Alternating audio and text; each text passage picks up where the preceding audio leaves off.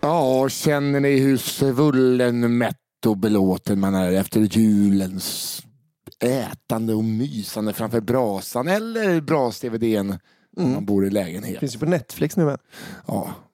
Det var fint när min mamma fick låna den av sin kompis en julafton och var tvungen att se den innan ifall hon skulle få några frågor. Men va? Jag måste kolla på den nu för Lena kommer och jag kan inte säga att jag har sett den om jag inte har sett den. Det är en brasa mamma. Ja, när, eh, när sprakar den? när sprakar den? Ja, den sprakar hela tiden. Ja, ja, och någonting som eh, man gör hela tiden är att man längtar efter podden Kafferepet. Mm. Och nu lyssnar ni på oss och det är nyårsafton. Det är det.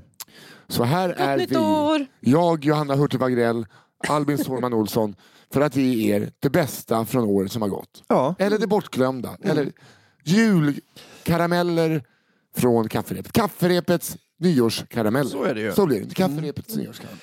Eh, Jag kan ju säga då, jag har ju valt ut eh, tre historier som liksom har, f- har stannat hos mig. Som, Ja. jag, som jag ska läsa upp, eh, som har gjort intryck helt enkelt. Så det är Ja. liksom inte nödvändigtvis de allra bästa jag har läst upp eller så, men bara tre som, jag, som har varit viktiga i mitt liv. Som har format dig till den du är idag. Verkligen har de gjort Ja. det. Det är alltså tre rasistiska historier. de tre som är mest sån... Ja, men jag har mer tänkt så här, eh, jag har med att jag gick igenom alla som jag har läst och de som jag reagerade med, men just det, den! Mm.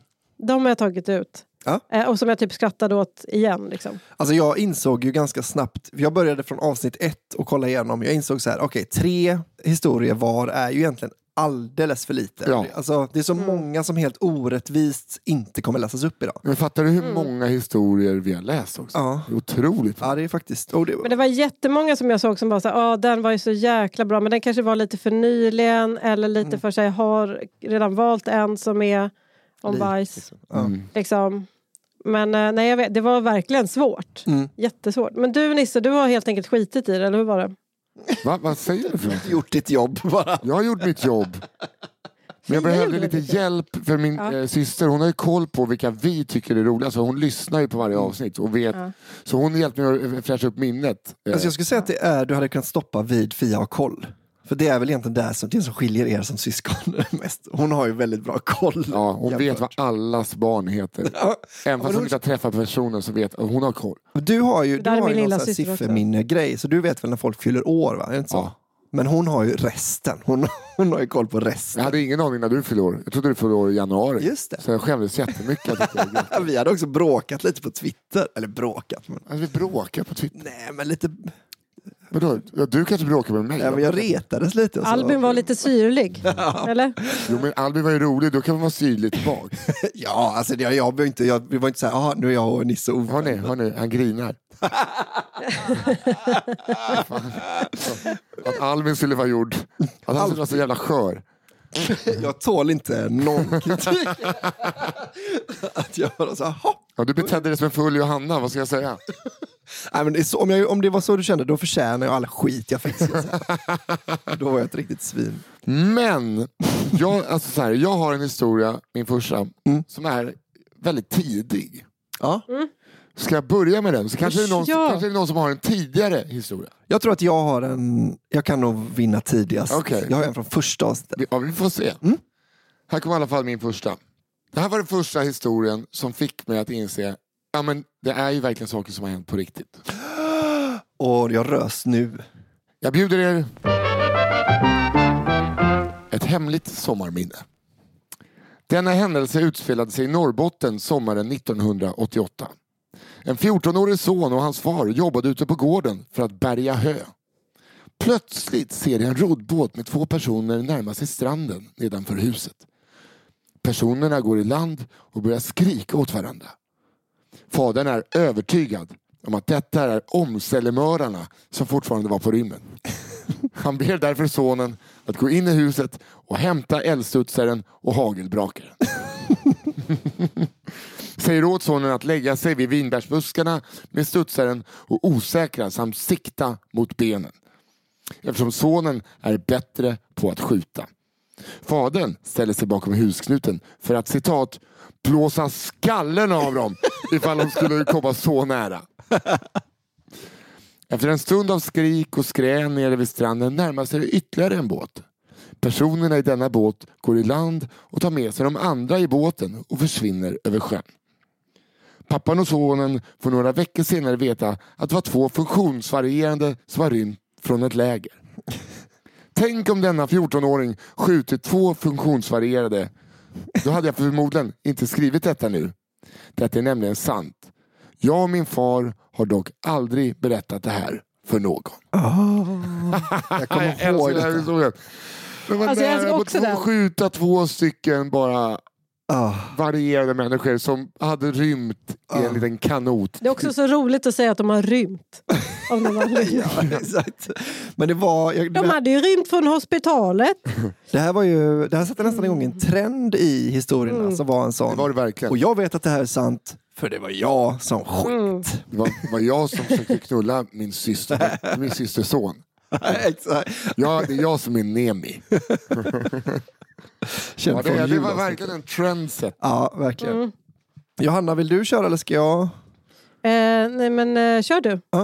För jag har ju också en lite, börjar ju då i allra första avsnittet, som verkligen har, har liksom gjort intryck på lyssnarna också. Alltså piloten pratar du om det här är pilot. Ett, Ja. ett Du pilot. satt precis här i Jag kände att vi inte kunde göra den här podden utan den så jag är så glad att du har valt den som jag tror att Det är jag alltså det första som lästes upp i Café Det kan ha varit, ja.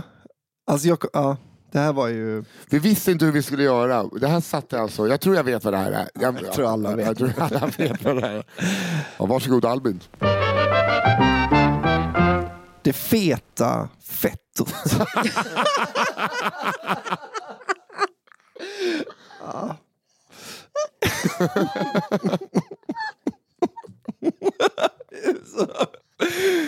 Och Albins belåtna min när han läser upp den rubriken. Jag är så glad att här finns i världen. Va? Åh, Gud. Detta är skvaller från Sveriges knytpunkt Östra Ryd. Min gamla dagisfröken var så fet. Hon älskade att äta bullar och vetelängder. Så...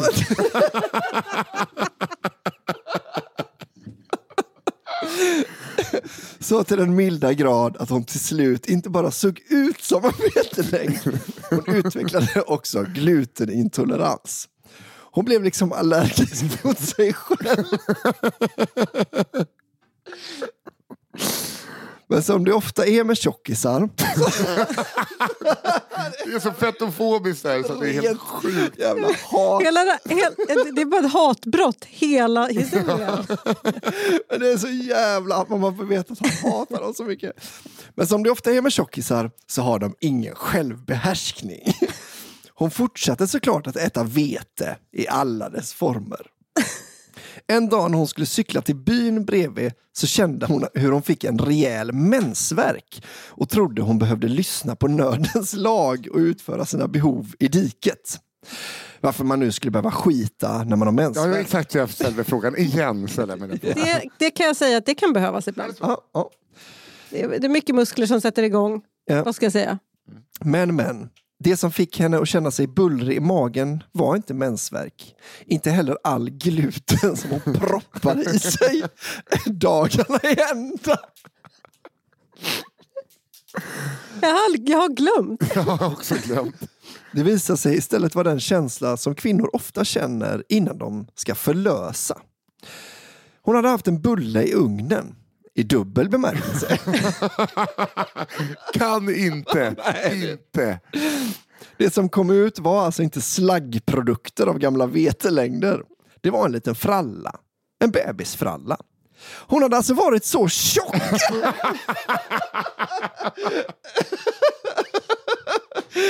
Hon hade, att hon inte hade märkt att hon var på smällen. Måste vara någon form av rekord. Det är så jävla nerkokat tjockishat. Ja, det där, är det punchen? Det är det som är... Alltså den är ju helt... eh, Den är fan ljuvlig i allt sitt hemska. Ja, men också... Det är, någons, det är någonting som är så jävla bra punchigt att hon har blivit allergisk mot sig själv. Men alltså det, det är ju liksom... Det, är liksom bara idel, idel hat.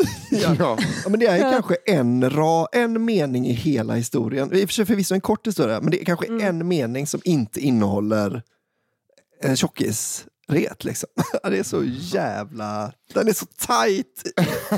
Det tajtaste hatbrottet. Det är, det är som en amerikansk stand-up-komiker som har filat Ja. sina tre minuter. Tagit Ja. bort allt onödigt tjafs. Exakt. Hur ska jag liksom maximera hatet? Men hur den börjar. Min gamla dagisfröken var så fet. det är, ja, tack så himla mycket för Ja. eh, Jag tycker också att det är kul att man liksom drar slutsatsen själv. Hon var så fet så hon inte ens har märkt att hon var gravid. Ja, men va, det kanske inte bara var Jag tycker det. att det eller? känns som en sån klassisk eh, brittisk eh, förort. Att Ja. eh, bara, eh, någon som var lite, lite rundlagd och så ligger barnet snett och så är man 16 år och har tvillingar. Ja. Det är så jag känner. Ja, ja, ja. Det, är Det är inte som att man inte märker det ändå. Vill jag bara säga. Men alltså det är ja, ju men det väldigt... finns ju folk eh, som eh, verkligen har gått igenom graviditeter utan att veta om det. Helt klart. Helt klart. Jag bara menar på att det sällan är för att deras mage är så stor redan från början. Nej exakt, exakt. Det Fast det vet vi inte. I det här fallet säger de att det är så. Men jag tänker om Ja, det vet, är... det är det jag tycker är kul. Om det är så att man proppar i sig dagarna i ända eh, gluten då, fast man inte tål det. Då, då är man väl kanske van vid att ha en väldigt upprörd... Alltså man är liksom, Ja. det, kan ju, det kanske kan yttra sig på ett sätt som går att Men- likna. Då vid. Men jag ifrågasätter också det. Kan man ens få så här, celiaki av att äta för mycket bullar? jag, tycker liksom att det gör det roligare att man har dragit massa slutsatser. Ja, det borde nästan vara tvärtom. Att du äter så mycket så att du blir immun. Men det är det som är så jävla härligt med den. Ja, jag har räknat ut hur det är nu. Lyssna nu bara på hur fet min gamla dagisfröken var. Ja. Men, det jag är- måste, jag har OCD, jag måste göra en sak. Vänta. Äta en bulle. Han har glömt tända julstjärnan vet du. Jävla antikrist. Så, nu är det jul igen. Nej, men jag bara sitter och tittar på den utställningen. Ja, det är lugnt. Jag tycker det är mysigt. Ja, eh, återigen då, tack. Det här är kanske sista, Ja. eventuellt sista gången jag läser upp den här, men jag är inte hundra. alltså. För att den här, Det kan den man här kan inte- man inte återberätta. Den här måste man läsa. Ja, ja, jag tror det. Ja, Ja. precis. Ja, nej, men den, är, den har också fått ett sånt hi- himla genomslag i podden. Ja, det, är Alltså, det är två stycken stil, eh, bi- Stilbildande. stilbildande historier vi har inlett med. Mm. Och du sa att inte vi har gjort jobbet. ja, Eller jag. då kommer jag eh, köra ännu en liksom stilbildande som jag tycker är liksom om man ska återberätta ah, vad ska man säga? Vi har ju några olika typer. En av de som återkommer är ju toalettbesök. Ja. Så Tages traumatiska toalettbesök. Ja. mm. Okej, Jag kommer från en liten by utanför en liten stad i Norrbotten. Kanske slutar staden på EÅ. Gissa på valfritt alternativ. Det finns ju ganska många. Under vinterhalvåret är det skoterkörning som står på schemat för de allra flesta i byn. Denna vårvinterdag skulle Tage, en av byns många seniora invånare, ut och njuta av solen och en kåsa kaffe eller två tillsammans med några andra goa gubbar. Efter en stund av välmående på renskinnen i bivacken gjorde sig nog kaffet påmint och Tage ursäktade sig, satte sig på skoten och körde iväg på behörigt avstånd för att inte... Punkt, punkt, punkt, förstöra stämningen så att säga. Den som har provat att skita i skogen vet att det kan vara en utmaning. En skog full med snö och iklädd långkallingar, flisunderställ och skoteroverall innebär expertmode i nummer två. Tage bänglade på men, men lämnade till slut efter sig sitt behov. Han hoppade, på, han hoppade på skoten igen och körde tillbaka till gubbarna och det började bli dags att röra sig hemåt. En i gänget påpekade att det var något som luktade illa. Det visade sig att Tage inte alls hade lämnat kvar någonting i skogen utan tagit med sig det i luvan på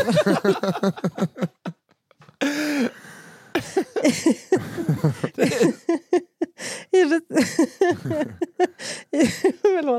I det, sto...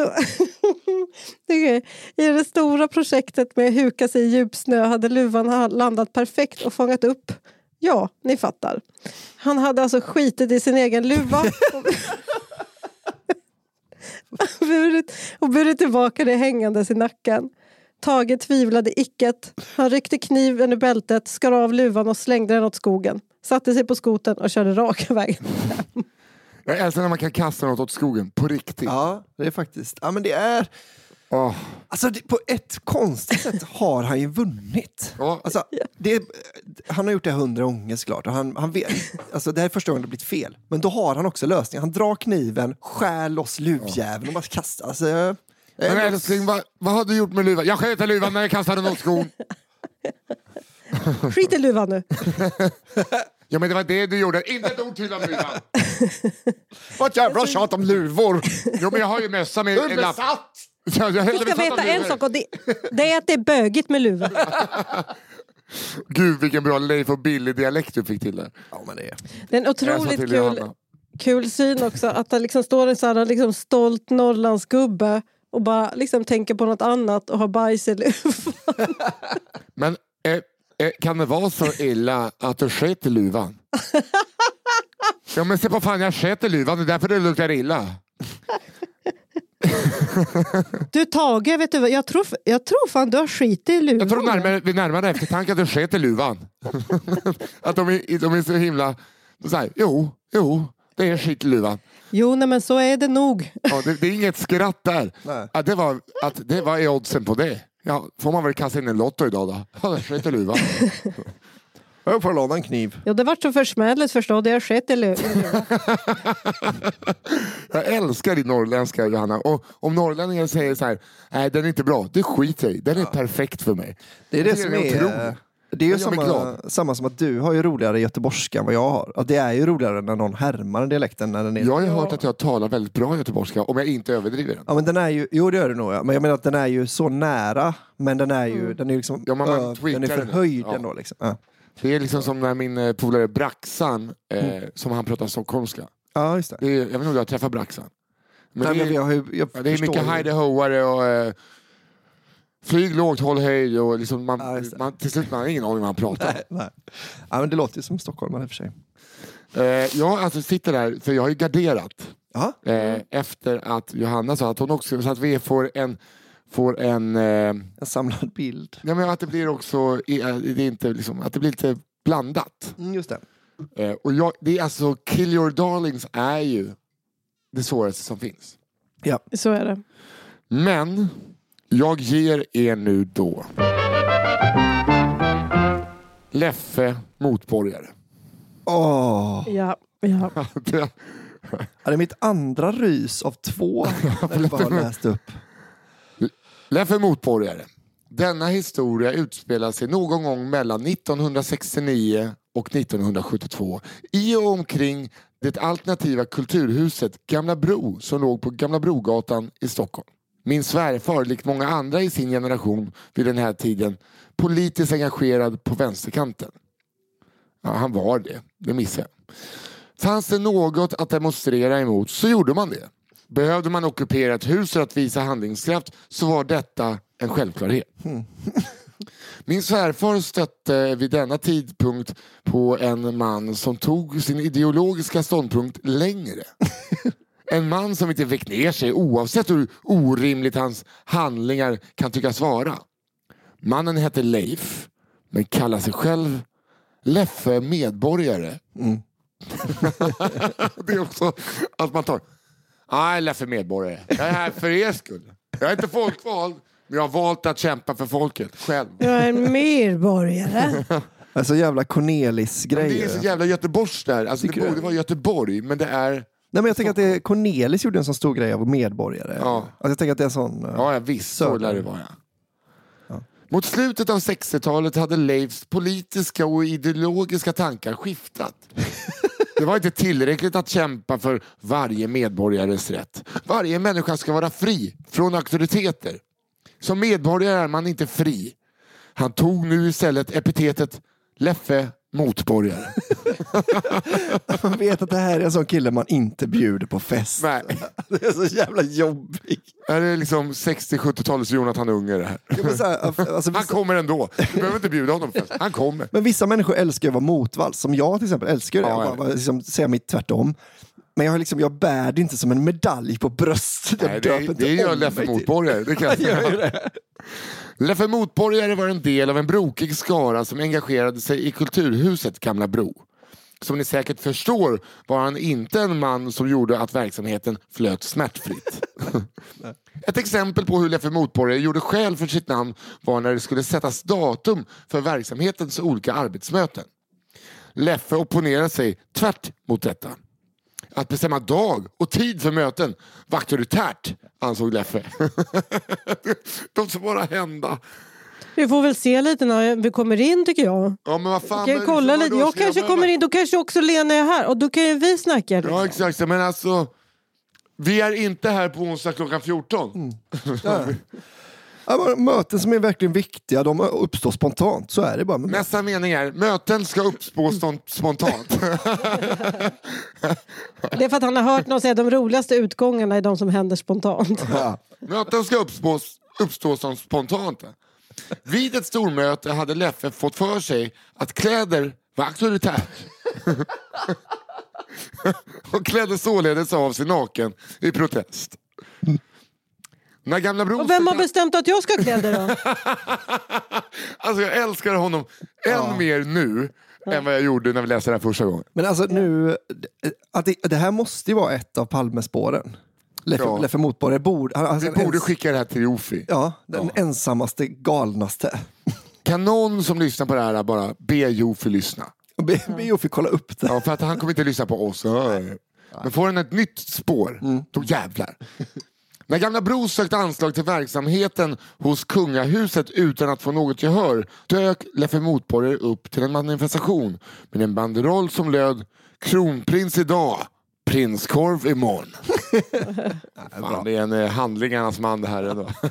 Det är bra ändå tycker jag. Men den episod som verkligen visade Leffe Motborgares handlingskraft skedde i samband med att Gamla Bro behövde sätta in nya lås i fastigheten. Ni kanske anar vad Leffe Motborgare tyckte om lås? Helt riktigt. Lås är auktoritärt. Nu kommer jag ihåg. Ja. En dag var således alla nycklar spårlöst försvunna. Leffe Motborgare förnekade sin inblandning i frågan men när Leffe lite senare samma dag fick föra sig sjukhus så det klart vad som hade hänt. Leffe Motborgare. Leffe Motborgare hade helt sonika svalt nycklarna och fick opereras akut. I magen på Leffe hittades de åtta nycklar som saknats. Det är, liksom, det är fler än vad man äter på en tapasrestaurang. Ja. Ja. Ja. ja. ja Man tar, han har ju tagit två till bara för att det är så hur, gott. många blir man, eh, hur många behöver man käka? Ja, Ja, nej. Ja, tre, max fyra. Man blir ju mätt på två nycklar vet du. Alltså jävla att han måste ändå veta att det finns ett annat sätt att göra sig av med nycklar. Men jag antar att det, kasta dem i vattnet är väl också auktoritärt. Leffe överlevde operationen. Men vad som hände med Leffe Motborgare efter detta vet inte min svärfar. Men han anar att hans liv fortsatte på inslagen väg. Ja, men här, ja, vi måste ju betta om detta sist också, men alltså någon, någon i, i världen vet ju mer om den här mannen. Alltså den här mannen, Mm. jag vill se ett, ett kort på den här mannen. Jag vill se en film om den här mannen. Ja, men det är liksom, Ja, men gör en det, det, blir någon Johnny. Johnny Boden i helistisk Ja, bara inställning till allt. ja. Och det är bara, man vet aldrig vad som är auktoritärt imorgon. Nej. Det, är så, man, det går inte liksom att veta vad man har där jäveln. Det patriarkala, där åker kuken av, det är auktoritärt med kuk! Nej, fy fan vad lätt Leffe Motborgare är, är Ja. en Stockholmslegend. Ja, men jag har väldigt svårt att tro att det här är enda gången han opererades akut Ja. för att han protesterar mot auktoritära saker. Nej. Ah, du har köpt Det hund. finns fler grejer man har plockat ut ur hans mage. Nej. Ja. Ding ding värd klass på Leffe Motborgares konsumtion. Fjärdsrevolvern. Ja, tack Leffe. Verkligen. Ja, Johanna, det är du va? Är det jag igen? Nej, nej, vänta. Det måste vara Albin va? Är det, det Var det jag? Ja, jag började. Det är Albin. Förlåt, förlåt, förlåt. Ja, jag, eh, jag tänkte så här då, det är ju fruktansvärt om vi inte har någon bajshistoria. Nu har du tagit en, Johanna. Ja, men det fanns flera i pipen. fanns några till. Men jag tänker att det hade, varit så, det hade varit så orimligt om det bara råkade bli ett helt avsnitt utan bajs när vi ska ta upp dem. Och jag tror inte att någon kommer bli besviken när jag berättar att min bajshistoria är Diaresus Christus. Yes! Det var ju kul att i julspecialen så fick vi en historia, den nämndes. Ja, precis. Att det var då... Exakt. det, man, det var lite som att man fick en krustad, ett smakprov. Ja, jag blev så glad när det, när det var med. Att det, var så, det har ju uppenbarligen också satt sig hos någon annan än mig. Ja. Den här har verkligen följt med. En otrolig, eh, otroligt namn på en historia. Ja, det får man säga. Här kommer en historia från en okänd ort någonstans i bibelbältet i Småland som en bekant berättat för mig för många år sedan. Historien handlar om en frikyrklig kille som vi kan kalla för Simon. Och den utspelar sig kring tiden precis efter att filmen Passion of the Christ gått upp på biograferna. Denna film hade piskat igång en orädd väckelsefeeling i frikyrkliga ungdomsgrupperna i bältet. Kring påsk ville ungdomsgruppen i Simons pingstkyrka sprida historien om Jesu död och uppståndelse. Detta skulle såklart göras offentligt ute bland de småländska hedningarna som strövade runt på ortens huvudgata. Ett skådespel övades in, en törnekrona tillverkades, fejkblod införskaffades och Simon, som var långhårig, hade fått rollen som Jesus. Den ska han ha. Ja, det ska han ha. Ja, fan Simon ska ha den. På dagen för framträdandet var Simon nervös. Framförallt i magen. Strax innan Simon skulle dömas till döden och korsfästas utanför Lindex Åh gud, jag har glömt bort att han skulle göra ja. Nej, det blir Lindex. Ska vi köra utanför Lindex? Ja, men det är så jävla mycket folk som ska köra.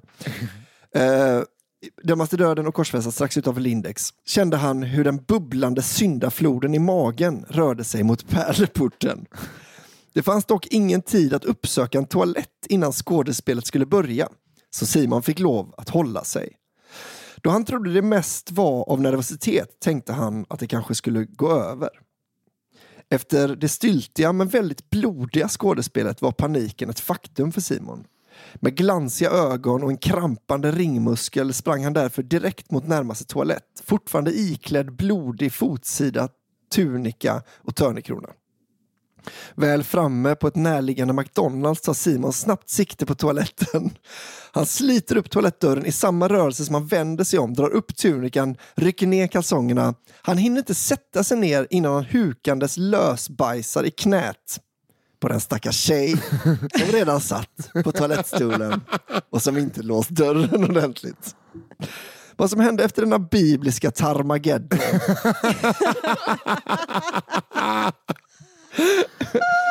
Åh, hade glömt! ja, det är... Gud. förtäljer inte historien, men mest troligen sådde den i alla fall ordentligt med tvivel i Simons gudstro. Åh Äh, gud. Otroligt. Bibliska Tarmageddon. Den är bra ju. Ja, ni kan behöver inte Ja, ha var SM i ordvitsar i år. Den, Nej. den va? Alltså, vinner varje år. Ja, det, är, ja, det är så bra. Tarmageddon. Ska, liksom, om historien är helt påhittad bara för att lov, få lov att säga Tarmageddon, då Ja. är det ändå hatten av. Ja, Alltså, ja, Ja, ja. det, är det, är- det kan nog. Åh Ja. gud, fantastisk. Den är ju helt... Fan vad mysigt det här är att sitta och minnas saker. Verkligen. För först tänkte jag att vi skulle, att vi skulle klippa in de gamla. Ja, ja, ja. Eh, så, Jaha, att vi, så, så en, att vi skulle få lite semester. Jag är väldigt glad att vi inte gjorde det. Håller med. Mm, håller med. Um, Okej, nu tänkte jag köra en, ehm, en, eh, en annan typ av format. Som vi, alltså, det är en väldigt lång historia som är, tar med en på en resa kan man säga. Ja. Jag vet vilken typ det är. När jag hittade den här så var jag hade liksom glömt den och insåg fy, det här... Det, det, mm, stark. Ja. Stark är den. Den heter De finska barnen. Här kommer en historia från Finland. Åh gud! Det var i början av 2000-talet och jag hade efter avklarad militärtjänstgöring börjat köra långtradare. Jag körde runt hela Finland och lite Sverige och livet lekte som man säger. Under en period på företaget så blev min körning att distribuera, distribuera herregud, träpellets för eldning till egna hemshus, läs villor, med distriktet södra Finland upp till Österbotten. Det var ett jävla pusslande att ringa runt till morgondagens 8-12 kunder samtidigt som man försökte hålla överenskomna lossningstider och överhuvudtaget hitta till de kunder man skulle till den dagen. Men jag tyckte det var roligt att träffa folk och trivdes med mitt självständiga jobb. När man träffar så många olika människor varje dag i deras hem så får man se en hel del. Allt från unga par i sitt första hem, medelåldersparet som hatar varandra och står och skriker till det äldre paret där mannen berättade hur många dagar han har kvar och att han ville fylla på pellets i, si- i silon åt sin fru innan cancern tar honom. Oh. Ehm, Skrattar du åt det? Det är så jävla kul att "Du, eh, du måste fylla upp Bella i, i, i cancern i det här vet du. Du kan knappt andas, bara fyll upp alla pengar. Han tror ju att hon kommer... väl- Alltså hon, han tror ju så, ja men då har hon i alla fall två veckor till innan hon fryser ihjäl. Ja. alltså, han tror inte hon klarar sig själv. Men det är så jävla morbid och finskt. Att det är liksom det sista, det, det där var hans Ja, du testamente. tänker att det är en sån med vänsterhanden. Jag tänker att det är så, nej, jag måste lösa alla, jag måste liksom skriva på alla papper, fyll på silo med pellets. Jo, jo, liksom. men det, det är så jag ser det också. Men jag ser också att det är, liksom, det är hans... Var det något testamente? Alla pengarna är i silon. det är. Du har värme i fyra Jag har månader. investerat i men det är det pellets. vackraste man kan göra för varandra i Finland. Ja, ja. ja, exakt. Ja, visst, precis. Fylla på pellets reservoaren. Ja. Innan du dör. Eh, jag gillade att titta runt och se på folk när man lossade och låta fantasin flöda med mina fördomar om folk i huset. När man är vid sista huset på en 16 kilometer lång grusväg och kikar in genom de söndriga fönstren utan gardiner och ser två till tre generationer med olika grad av framgång släpa sina ben efter sig så passar det bara så bra in i den bilden eh, man hade om en sån plats. På helgerna skulle det givetvis daltas med fulla kunder och i de nya fina bostadsområdena utanför huvudstaden skulle förstås hemmafruarna gå igenom och pröva sitt urval av stringtrosor i fönstret där jag stod på utsidan. Allt enligt hur man fördomsfullt tänker sig att det ska vara. Den historien som etsat sig fast hårdast i mitt minne var en kvinna som hade ändrat uppvärmningssystem och nu hade beställt pellets för första gången. Jag backar upp lastbilen till gården, stiger ur och hälsar på damen som kommer mot mig på gården. Samtidigt ögnar jag ju givetvis kvinnan, huset och omgivningen för att försöka få grepp om vad det är för person jag har att göra med. Hon är klädd som en blandning av bilmekaniker och en 80-talsmotionär. Smutsig keps, risigt hår, någon form av overall och toppar detta med en rosa och blå vindjacka. I ett stort växthus bredvid huset finns ett sinnessjukt stort antal bilar av modellen Citroën 2 CV Ja, det är så snyggt. Kanonbil. som i folkmun kallas bärplockaren och är den fulaste bil som någonsin tillverkats. Nej, Det är inte det är så. absolut. Det är bland den snyggaste bil som någonsin är tillverkat. Eh, Vacker. Det är som en bubbla fast liksom med klass. Ja, en, fyr, en fyrkantig bubbla nästan. Ja. Eller halv, alltså den är ju väldigt platt på sidorna. Ja, ja, på sidan ja, precis. Ja. Den är som att man Och sen runda av. tak, ja. Ser det liksom ut typ som en trabant? Nej, men alltså, de, de, är, de är alltså otroliga. De kommer som cab också va? Ja, precis. De har väl en sånt, eh, det är tygtak. Ja, otrolig bil. Också så uh, stålfjädrade va? Så att de är, det är sånt jävla gung i dem. Min, Ja, men det är ju många Citroëner som är det. Ja. Eh, Just att det är, det är som att åka i grädde. Ja, man kan köra liksom i hund... Ja, de går inte i hundra, men... eh, Man kan säkert köra i 40 men det känns som 50 för att man är så nära marken. man kan köra plattan i mattan över ett farthinder och det blir bara godare. Ja. Gött Var det en grop? ja, det är bara wom, det gungar. Ja. ja, det är en svängig bil. Ja. Huset pryds även av ett jättestort Citroën-emblem. Du är inte alls Jävlar imponerad av vår utläggning om 2CV. Nej, du känner att Jag tycker patriarkatet... bara, alltså, efter, den ut, efter den ut, så tyckte jag att den meningen satt bra. Efter utlägget om vilken fantastisk bil det Ja, var. ja, men det är också väldigt snyggt att du via länk bara, låt dem leka av sig lite. Nu tar mamma över här igen. bra. Gå och sätt på kaffet då, så kan ni prata Ja. om det. Läsarna inte vet, eller lyssnarna inte vet att vi tog oss varsin stadig gin och tonic så jag blev lite packad. Ja, med. Ja, vad härligt. Ja, men märker du Johanna, Jag tänker blir inte hålla på och shamea Jag dig för det och säga Nej, att jag jag blir aldrig kommer bli full otrevlig. med dig Jag blir inte otrevlig. Jag blir inte otrevlig. Jag blir väl inte otrevlig? Nej, du blir hotfull. Ni två alltså. Get a room. Säger till sig själv. I wish. Herregud. Det var också kul med Citroën då, de hade som, eh, som en sån idé om eh, 2CV va? att det som inte finns kan inte gå sönder. Det är jävligt bra eh, tänk va? Ja. Att den är extremt avskalad va? så nästan inget kan gå sönder för den har inga, inga lyxdelar. Va? Nu känner jag också Johanna, du kan gå vidare.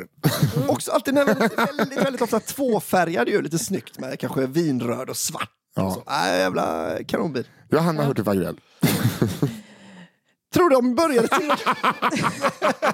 Nej, nu kan jag inte mer. Väldigt roligt. Jag kan inte mer nu. Killar är roligare än tjejer. Kom igen, nu kör vi. Min hjärna bestämmer sig snabbt. Kvinnan i huset är ju förstås någon sorts byfåne som lever ensam i huset och meckar med sina bilar. Fördomsfullt, visst. Men det har ju stämt tidigare. Hon visar mig till silon som är inne i garaget och jag drar slangen från lastbilens tank över gräsmattan. Framför de stora vardagsfönstren, förbi ett annat fönster och in i garaget och kopplar, och kopplar till silon. Ut igen samma väg och startar kompressorn och sen in igen för att kolla att allt står rätt till. Jag går fram och tillbaka mellan bilen och silon för att övervaka lossningen och kvinnan går efter mig som en hund.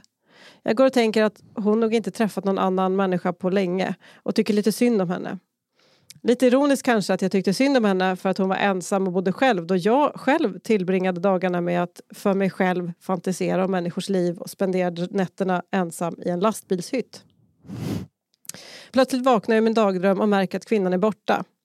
Jag går ut till lastbilen och kollar vågen, hur mycket jag har lossat och börjar sen gå in igen för att se till att silon inte blir för full. I rask takt går jag förbi vardagsrumsfönstret och i ögonvrån ser jag hur tre barn står och ser glatt ut genom fönstret. Jag skiner upp och tänker det här var ju för jävla bra för kvinnan. Hon har ju familj i alla fall. Jag hinner även i samma sekund börja skämmas över min fördomsfullhet som dömde henne så hårt bara på grund av utseende och omständigheter. Men så isar det till längs ryggraden och jag stannar upp för att vända mig och, och ta en noggrannare titt. Något kändes fel. Jag vänder mig om för att konstatera att det är tre barnskyltdockor och inte tre barn. Och eftersom jag är 100% säker på att jag inte sett dem de andra 15 gångerna jag har gått om så betyder det att hon har placerat ut dem under tiden jag har varit där. De vill ju också titta på den stora bilen. det är så jävla obehagligt här. Jag skyndar mig till bilen. Eh, den beställda mängden är levererad och jag stannar kompressorn. På väg in i garaget för att hämta slangen möter jag kvinnan. Hon är nu mer pratglad och undrar om jag vill ha kaffe efter lossningen. Hon säger att barnen har väntat på att det ska komma en lastbil till gården. Åh gud. Och de tycker det är så spännande att titta på. Jag mumlar något till svar samtidigt som jag joggar ut ur hennes garage med slangen efter mig. Kollar att jag inte glömt något som jag normalt gör och klättrar upp i lastbilen för att köra iväg i en jävla fart med en fruktansvärd känsla av obehag i kroppen. Åh, för fan. Jag bytte eh, till en annan typ av körning några månader efter detta. Så det blev inget återbesök på denna gård. Men jag antar att hon och barnen har det hur kul som helst. Med sin pellets. Åh gud. Det är så Ja. jävla creepy. Fy fan alltså. Åh, Ja, det är nej, så men jävla... alltså, Men också så här, mamma, jag kanske inte kommer att överleva det här. Nej. Det är verkligen den känslan. Ja. man- För nu jag tänker man, ja men en äldre kvinna, jo, jo men hon kan ju också så här, stå bakom ett hörn med en sån ko, alltså sån bara bultpistol. Ja, hon kan ha lagt sin 14-åriga 14 son i, i vinbärsbuskarna med en. Sikta mot knäna. Sikta, vad du än gör, träffa inte benen. Ja, fy fan. Ja, den är ju verkligen... eh, Ja det är fan eh, men bra, nu, vi har valt bra. Det är fan. Men jag har ju en här nu, som kanske är den bästa storyn vi har fått tycker jag. Ja, Men jag tycker liksom den har fått lite för mycket plats. för Den har redan plats. vunnit Aha. sitt avsnitt. Den är så bra så att jag tänker att det kanske någon annan ska få skina lite. Ja. Alltså du har en som du nu som du bygger upp som den bästa vi kanske har fått som du inte tänker läsa. Ja, Ja. Får man höra titeln? Biograf-Robban.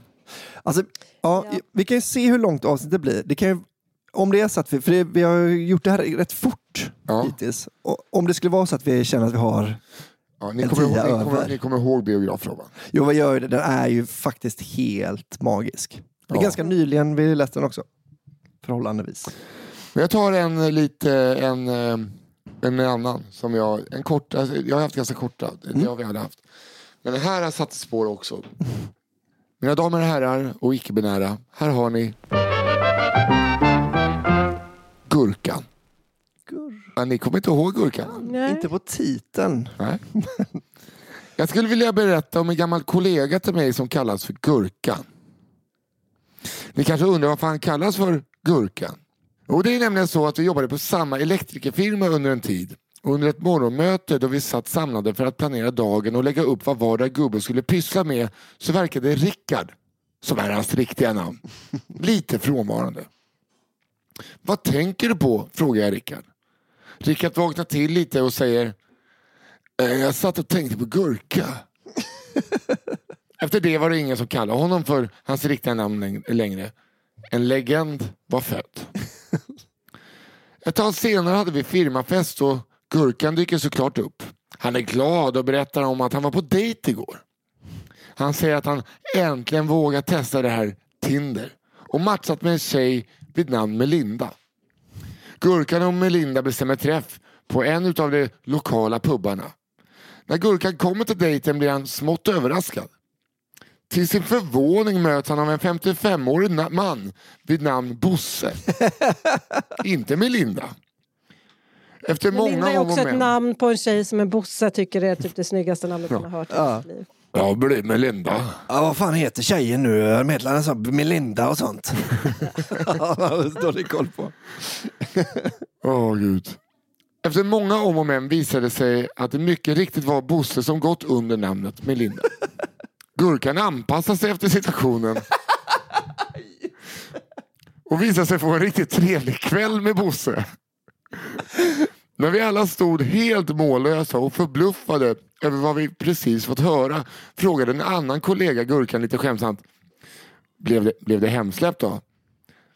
Nej, säger Gurkan. Men jag ska med honom på karate på torsdag. Det är så jävla konstigt. Men alltså, det är ju också att man, hade man, fått, hade man fått vara gurka, hade man fått ha hans hjärna så hade ju livet varit kanon. Också. Ja. Det hade varit hundra gånger bättre än ens liv om man bara var, nej men det ska, ska Men det var som- karate. Jag känner en kille som var i Thailand, träffade en tjej som visade sig vara född som snubb, så hade en snopp. Ja. Så jag, men, äh, äh, vi hade ändå börjat hångla och sådär så det var bara att köra vidare. Ja. Men, ja, men gud vad så En person som man tänker, ja, nu vet inte jag om den här personen, om det liksom var sex, det kan vara grisigt. Men man är glad någon som bara, okej, nu är det andra Okej, förutsättningar. ny situation. Uh, hur gör jag? Det är väl... Ja, det var en snopp Vad är där. skillnaden Det var egentligen? bara att anpassa sig. Ja. Ja, eh, och det tycker jag Gurkan och Bosse. Undrar om det var Bosse som bara, ja jag vet att jag inte hette Melinda och sådär men vad gör du på onsdag? Jag har nämligen två biljetter till en karatekurs. Jag märker att du, du är inte är intresserad av eh, mig, men du kanske gillar karate? älskar karate, älskar karate. Jag har någon Karate? tjackas. Så får man väl lära sig sparkas och slåss. Jag är där. Ja, äh, jävla legend, Gurkan tycker jag. Ja. Mm, verkligen. Ehm, min sista nu, det var din sista, Mm. eventuellt då. ja, eventuellt. Eh, här kommer min sista i alla fall. Otur i tullen. Ja! Jag, och jag tänkte att det var en, annan först när jag läste titeln. Ja. Som var en, en, en, en, alltså en sentida va? Men här är lite Ah, det, hade inte, det var inte den jag trodde att det ja, var. jag tror också det. Men ja, det vet vet inte jag vilken ni tänker på. Men... Jag och min vän hade spenderat två veckor i New York. Och skulle nu Jaha, ta... nej, det är den här! Åh gud! Ja, ja. Världens konstigaste historia. Ja, den här är konstig, men jag tycker den är... Ja, den är fantastisk. Ja, den är otrolig. Punchlinen är. Ja. Jag och min vän hade spenderat två veckor i New York och skulle ta oss tillbaka till Svea rike. Vi har precis hoppat ur taxin på JFK när jag upptäcker att jag glömt min mobil i taxin. Och all musik och film jag sparat ner var borta, inklusive alla foton från resan. Jag kände mig otroligt nedstämd och nu ville jag bara komma hem till Sverige igen. Hemlängtan var total. När vi kommer till säkerhetskontrollen så ska de ta drogtest på händerna. Och jag, av någon outgrundlig anledning, testar positivt. Jag blir då ombedd att följa med två stycken tullvakter för att de ska prata med mig i enrum. I väntan på att komma in i förhörsrummet möts jag av de som varit där innan mig. Det är en kvinna cirka 60 år gammal och hennes katt som väser högt. Jag tror att hon som jobbar med förhören har blivit riven av katten och är sådär lagom nöjd när hon vinkar in mig i rummet och börjar utfrågningen. Det enda jag kan tänka på är måtte de inte vilja kolla i mitt rövhål Hon börjar fråga vad jag gjort i landet och andra säkerhetsfrågor. Panikslagen som jag var kunde jag inte tänka klart och började hysteriskt gråta och hör mig själv säga Do you want to look in my asshole now? Hulkandes och på knackig engelska. Hon som jobbar i tullen kollar förvånat på mig och börjar skratta och säger till mig Ma'am, you can keep your pants on. Hon släpper sen ut mig i rummet och där ser jag min bästa vän stå. Vi kramar varandra och hon lugnar ner mig. Jag fick fönsterplats hela resan hem och de hade underhållning på flyget. Men än idag är det något som jag kan höra ekande i mitt huvud när jag inte kan sova på natten. Do you want to look in my asshole now?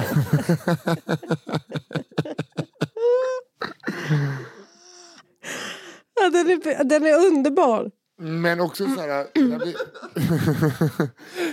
Föreslå inte det. de tittar ju inte efter droger, de kollar efter ex, ex, Ja, det är explosiva ämnen. det, är. Annars vet jag många som hade fått visa stjärthål genom Ja. åren. Om man hade råkat varit i närheten. Eller kanske tagit i samma dörrhandtag som någon som har tagit Ja, exakt. Ja. Ja, men du har ju en påse kokain in ditt asshole. Ja. Nej men vi letar som tur är för dig bara efter bomber. Och det tror vi inte ens att... Också kul att bara, vi kollar efter bomber. Do you want to look in my asshole now? Jag kan verkligen förstå den när man bara vaknar upp och ryser av sin egen dumhet. Ja. Liksom. Mm. Do you want to look in my asshole now? Ja. Mm. Ja, jag, jag älskar den här historien. ja, det är fantastiskt. Samma. Okej, då ska jag köra min sista. Ja. Den heter En jävla sopa. Mhm. I Östersund i slutet av 80-talet eller början av 90-talet var en av stans ljudtekniker ute på krogen. Åh gud. Vi kan kalla honom Fluffe, för han hade så fluffigt hår. Det blev en ganska blöt kväll och när det var stängningsdags var han ganska berusad. Han var då lite sugen på att få sig lite damsällskap. Han hade träffat en tjej några gånger och tar sig hem till hennes hus. När han kommer fram eh, till hennes hus är porten låst och hon bor inte direkt på bottenvåningen. Hennes hus var ett loftgångshus och Fluffe funderade över hur han skulle ta sig till hennes dörr. Han kommer på att det på varje våningsplan finns ett sopnedkast. Han var inte en särskilt stor kille så han kommer på att han ska klättra upp till hennes våning genom sopnedkastet. Han tar sig in i sopnedkastet, lyckas klättra upp till hennes våning. Han får upp luckan och börjar klättra ut och fastnar. Fluffe sitter nu fast i sopnedkastet och funderar över hur han ska göra nu. Då hör han hur dörren på bottenvåningen öppnas och någon börjar gå upp för trappan. Dörren till loftgången där han sticker ut ur sopnedkasten öppnas och där står tjejen han är på väg till tillsammans med en kille som hon tagit hem från krogen. Tjejen går in i sin lägenhet och ringer brandkåren som får hjälpa Fluffe loss medan tjejen med sitt nya ragg står och tittar på. Fluffe får sen ta sig hem med svansen mellan benen. Åh, Fluffe. Jag hade glömt bort Fluffe. Och jag hade glömt bort eh, den här perfekta tillägget, alltså den parentesen att hon är där med en annan. Det hade varit Det bäst blir- om, det hade varit bäst om Fluffe var exet. Ja. Jag älskar dig. Tjena jag, tjena Julia, är det... Ja, ja du är med. Ja. Mm. Synd. Ja, du kan väl bara ringa brandkåren då. Jävla sorgligt. Ja, för fan, jag, den här tänkte jag faktiskt också på. Jag trodde att det var jag som hade läst upp den här, så jag har letat efter den här. Så jag var väldigt glad att du uh, hittade den. Jag tog den pucken. Ja, den är otrolig alltså. Ja, Men alltså det var svårt med urval. Jag har typ flera till som jag var så här, gud de där Ja, borde jag läsa upp. Och så. Hur här, länge har vi spelat in egentligen? 50. Vet ni vad? Jag som chef, Mhm. nu är vi alla lika mycket chefer, men jag bestämmer att det blir 12 historier. Ja. Tolv. Jag bestämmer, ja. Du ska Oj. också läsa en. Vi läser varsin till. Det är nyår. Men jag har inte fler med mig. Nej, men då får väl du Jag hitta får leta en. upp en. Albin. Jag letar upp en. Okej. Det är ändå nyår ja, som du Ja. sa. Och då kanske ni tror att jag kommer ta biograf-Robban som spelade ett epileptiskt anfall eh, med kuken i handen. Nej, för att den sitter fastetsad hos många. Den är ny. Då står det mellan två. Mm. Det är en och så är det en annan. Och jag har det så svårt nu.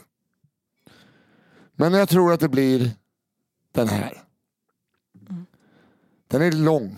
Mm. Och den heter Svensexan. Min pappa har ofta berättat om det gick till under han och hans kompisars svensexor. Det blev nämligen en grej för dem att försöka bräcka varandra i galna påhitt. Detta inkluderar saker som att plantera vitt pulver i folks ficka och se till att de blir tagna i tullen. Att lämna dem nakna på nattåget till Göteborg eller att mixa med deras bil via kontakter inom militären för att kunna stänga av den via fjärrkontroll när, de, när som helst de ville.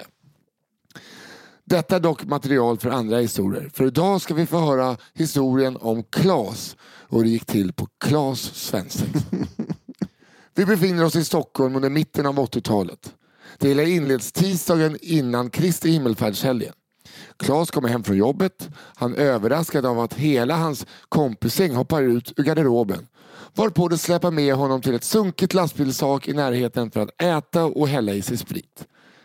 Klas är något av en finsmakare och när det inte drar vidare från nämnda syltan utan blir kvar där hela kvällen utan några fler överraskningar uttrycker Klas till slut ändå sin milda besvikelse över kompisarnas fantasilöshet. Sent om sidor och ordentligt berusad vandrar Klas hemåt i Stockholmsnatten. Det är onsdag imorgon. Dagen innan Kristi himmelfärd vilket innebär halvdag på Klas jobb på ett finansbolag.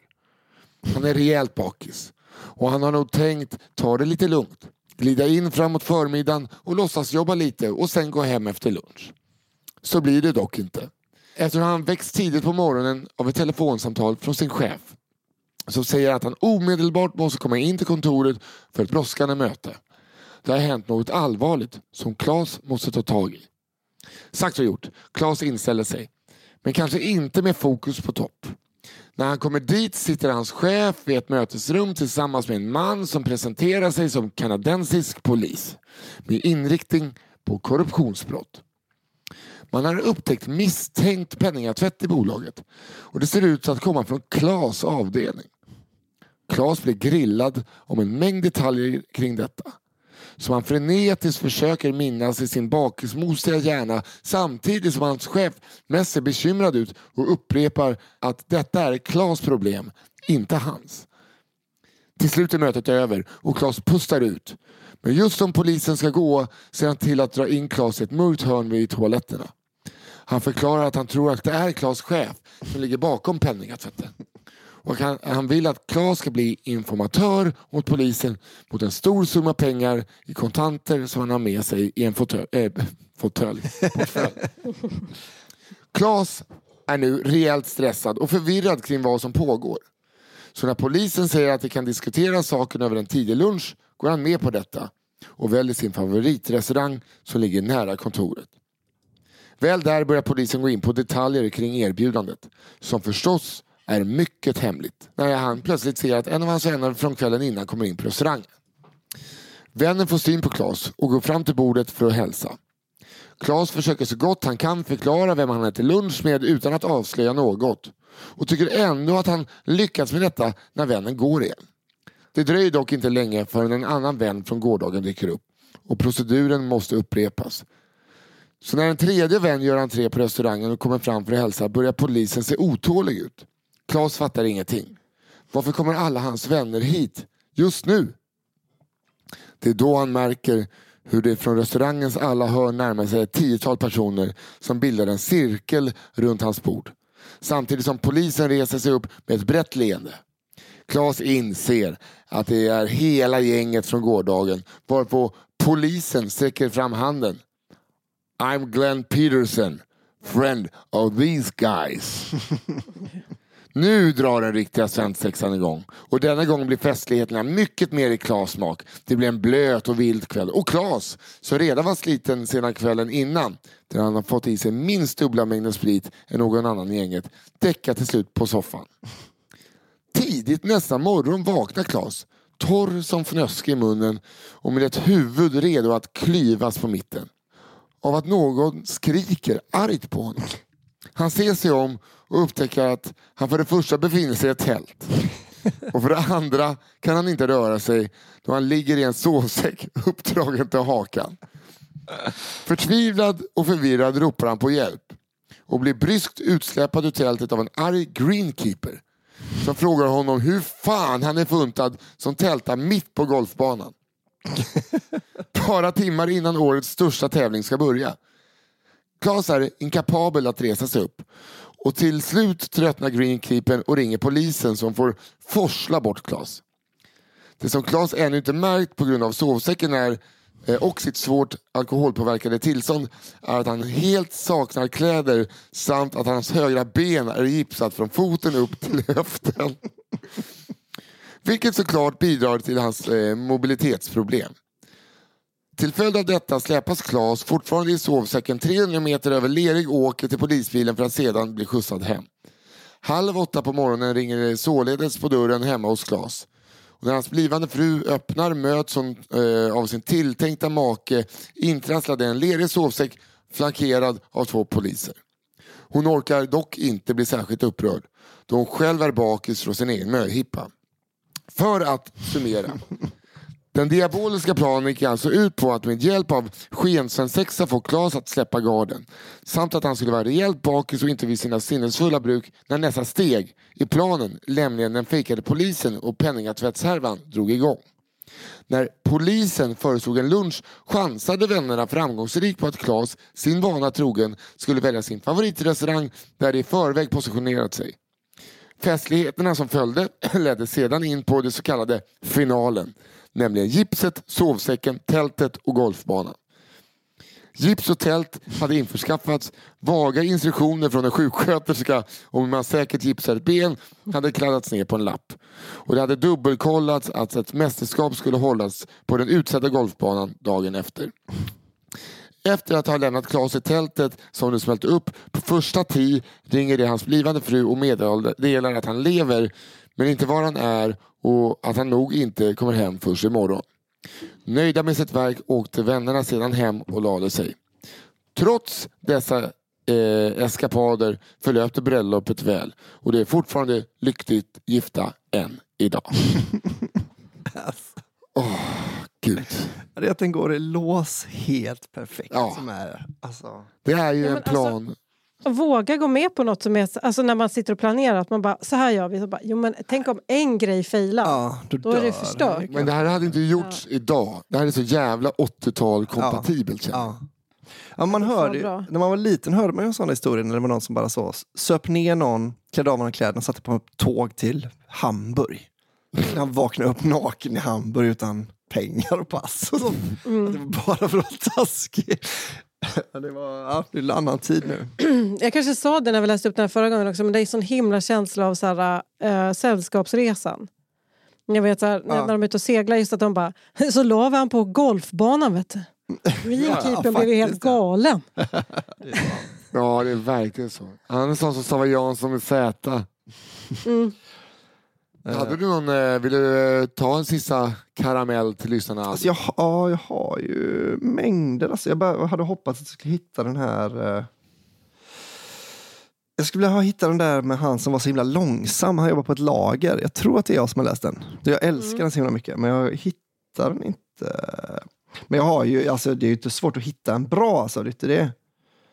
Uh, Hämtpizzan kanske ni känner, kommer ihåg? Till exempel. Take away-pizzan kanske inte. Jag kör den, kör den. Den var så jävla äcklig.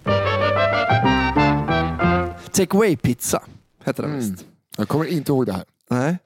I början av 2000-talet så gick jag på ett högstadium i Örebros utkant. Som på alla skolor fanns Lilla gruppen med en samling elever i olika åldrar som antingen inte fattade eller inte orkade. I lilla gruppen i vår skola fanns det en kille som var två till tre år yngre än vi och kallades för Ugglan. Inte för att han var klok som en uggla utan för att han såg ut som en. Under en rast så berättade Ugglan om sitt livs bästa lifehack. Det var nämligen så att han bodde i en liten lägenhet tillsammans med sina föräldrar och för att de en gång i veckan skulle få chansen att älska ömt med varandra så gav de Ugglan en peng till pizza varje onsdag så han kunde gå till pizzerian och äta under en timme medan föräldrarna gjorde sitt. Uggla var kanske inte den smartaste i skolan men ändå tog det inte många månader innan han förstod vad som pågick i lägenheten medan han satt och smaskade Vesuvio på närmaste grillen. Onsdagen efter så kom han därför på den briljanta planen att så fort farsans rabarbersvaj började ge sig till känna och Ugglan fick sin pizzapeng så rusade han till grillen, beställde en take away pizza, sprang tillbaka till lägenheten och njutningsfullt slog sig ner på sin egna säng, ätandes pizza och runka.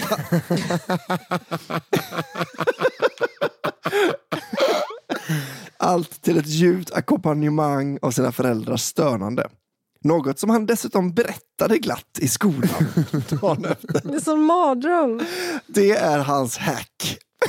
Det är hans lifehack. Ja, men man köper en halv, halvgräddad pizza. Ja, gräddar du resten hemma? Nej, nej, bara för att hinna hinna hem för att höra föräldrarna börja skinkningen. 15 minuter, nej det var inte 10 minuter. nej, vi får vara klara på sju. Åh, vad kul. Ja, den är ju... Ja, den är episk. Jag eh, har ju liksom tagit, men den var så nyligen. Hej, det är jag som är Ricky. Men den är ju liksom, det känns liksom, den är så extremt bra. Men jag kommer inte läsa den nu för vi hade den ganska nyligen. Eh, och jag hade för många att välja mellan. Men ehm, jag vill ändå lämna någon sorts honorable mention. Ja, Behöver fall. eh, till min syster som var personen som lutade sig på Ricky. Det kan vi Får, säga får du till säga lyssnarna. det? För att äntligen. Jag säger det nu. Det här klipps inte bort. Vad- Nej. Oavsett vem som hör av sig senare. Fucka med allt. Ja. Nej, men jag tror ändå... Alltså, ja, jag kan också göra en honorable mention för det är en annan människa vi känner som skickade in dams, dammsugardan. Han som fes i dammsugaren. Just det. Ja, just Ja, det är min bror då. Men den är också ganska nyligen. Ja, Det var han som pruttade i dammsugaren. Det är så jävla roligt. det är så otroligt bra. men det den är också lite nyligen. Men sen så, eh, den, eh, jag har en som jag liksom... Nej, men jag vill inte lämna den. Mm. Utan den tar vi nu då. Årets sista historia från oss Ja. till er på, från Café. Och om ni inte fortsätter skicka in så kanske vä- eh, historiens sista någonsin. Ja. Så skicka, Skicka in till, kafferepet at underproduktion.se. Mycket bra. Den här heter Suspekt spontanshopping. Eh, denna händelse har jag fått berättat för mig av en tidigare kollega. På klassiskt vis är det inte kollegan utan dennes kompis som varit med om händelsen. Händelsen utspelar sig i Göteborg någon gång tidigt 2000-tal. Vi kan kalla min kollegas kompis för Nicke. Det var en varm sommardag och Nicke hade via någon dejtingsida bestämt träff med en tjej. De skulle mötas i Brunnsparken för att sen gå någonstans och fika. Minns ni den här? Nej. Nej. Eh, medan Nicke står och väntar på tjejen börjar hans mage plötsligt göra någon form av uppror och Nicke känner att han snabbt borde hitta en toalett. Lite kallsvettig ser han att tjejen just kliver av en spårvagn. Han sväljer och spänner alla sina kroppsöppningar men lyckas inte hålla emot utan skiter på sig. Som tur är kommer ingen jättemängd utan det blir mer en kladdis. Alltså en fis med blött material som han tydligen har ett smeknamn på. Härligt. En sån som eh, behöver kontrolltorkas. Med panik i sin blick söker han en flyktväg. Men tjejen har fått syn på honom och vinkar och ropar på honom. Nicke finner ingen annan lösning än att hälsa på tjejen, ge henne en snabb kram och säger Du, eh, jag måste bara snabbt förbi Karlings och köpa en grej. Tjejen säger visst och reagerar inte på detta utan de promenerar tillsammans mot butiken. Nicke småpratar nervöst och sniffar hela tiden så diskret han kan för att känna om han luktar. Tjejen har hittills inte märkt något. Inne på Carlings tar eh, Nicke snabbt ett par liknande jeans han har på sig men av någon anledning tycker han att detta verkar misstänkt och tar även en t-shirt. Vid kassan fortsätter han prata nervöst med tjejen, skrattar lite för högt åt allt hon säger och betalar. Han tar sin påse och de går mot ett fik. När de kommer in på fiket säger Nicke Jag ska bara tvätta händerna men kan du beställa en kaffe åt mig? Okej, svarar tjejen och går mot kassan. Nicke smiter snabbt in på toa, låser och sliter av sig jeans och kallingar. Han fattar att han måste göra sig av med beviset och ser att toaletten har ett sånt litet smalt fönster nästan ända uppe vid taket. Han ställer sig på toalettstolen och kastar helt enkelt ut de smutsiga kläderna. Därefter snyggar han till sig och tvättar bort den lilla kladdiga olyckan. Mycket nöjd med hur det utvecklat sig stoppar han ner handen i påsen. Där ligger bara t-shirten. Det är... Det är sån ångest så här. Så. Så.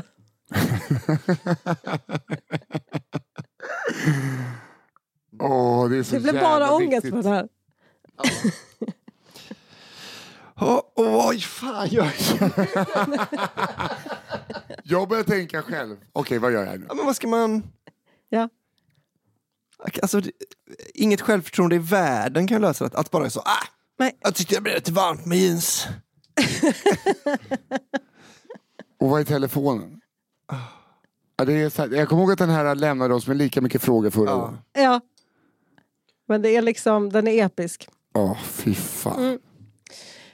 Men hörni, då är det väl dags för oss att säga gott nytt år? Ja, vi behöver inte välja något här. Nej, jag tycker inte det. jag Jag tycker tycker det här är... här Det här var eh, återkomsten Mm. och lite så. Vissa historier som inte har vunnit, andra som har vunnit.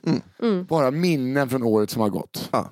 En, eh, ja, kanske inte ens en best of, nej. Utan Nej, det är bara, utan bara trevlig historier lite- som vi inte får glömma. Ja. Mm. Eh, Så tack, eh, för ni, eh, tack igen får väl ni då, ni som skickat in de här Ja. historierna. Vilka Och tack alla ni som är. prenumererar på Cigarrummet också som är vår systerpodd. Mm. kan man gå in på underproduktion.se, betala 29 kronor i månaden så får man höra oss prata med kända svenska humorprofiler som berättar om sitt liv. Mm. Där står de för historierna och vi som sådana grävande journalister drar smutsigaste och snuskigaste ur dem. Exakt. Så är det. Men eh, tack för det här året. Vilket jävla, vilken eh, succé va? Ja, Mm-mm. tack eh, oss för att vi gör det här ihop, det är väldigt kul. Verkligen. Och tack Daniel Aldermark på One Touch Edit och Fia Lo Almström eh, från eh, Hammarby Höjden. Tack så, eh, också då Mikael och Malva som Ja, började som verkligen, var verkligen. Som var i början. början. Yes. Våra första redaktörer. Och eh, tack alla som lyssnar. Gott nytt år så ses vi på andra sidan.